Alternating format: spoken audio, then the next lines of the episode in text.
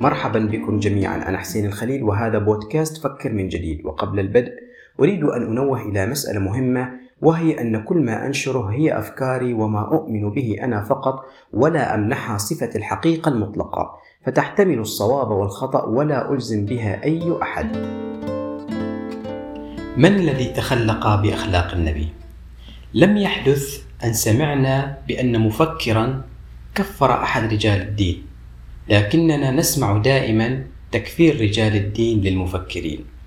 لم يحدث أن سمعنا بأن مفكرا شمت بوفاة أحد رجال الدين لكننا نرى دائما شماتة رجال الدين بوفاة المفكرين.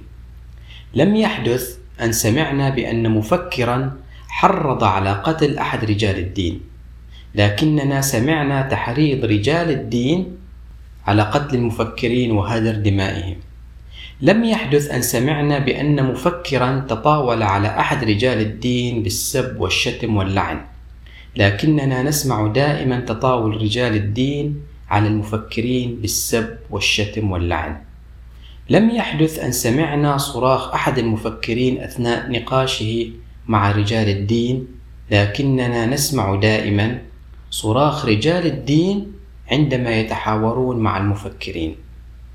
لم يحدث أن سمعنا بأن مفكرا حذر الناس من الاستماع أو قراءة كتب رجال الدين.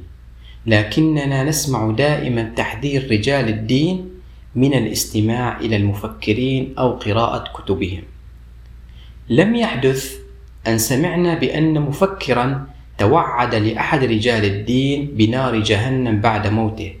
لكننا نسمع دائما توعد رجال الدين للمفكرين بنار جهنم بعد موتهم. لم يحدث أن سمعنا بأن مفكرا قد أذى أحد رجال الدين لكننا نسمع دائما ونرى دائما أذية رجال الدين للمفكرين. لم يحدث أن سمعنا بأن مفكرا غضب من الناس إذا ترحموا على أحد رجال الدين. لكننا دائما نسمع رجال الدين بل وحتى تابعيهم يغضبون إذا ترحمنا على أحد المفكرين. لم يحدث أن سمعنا بأن مفكرا ألف الكتب وألقى محاضرات للرد على رجال الدين والتحذير منهم. لكننا دائما ما نجد رجال الدين يشغلون أنفسهم في تأليف الكتب للرد على المفكرين ومن يخالفهم المنهج. لم يحدث بأننا سمعنا بأن مفكرا ادعى بأنه وصي على الدين والمتحدث باسم رب العالمين وأن لولاه لضاع الدين.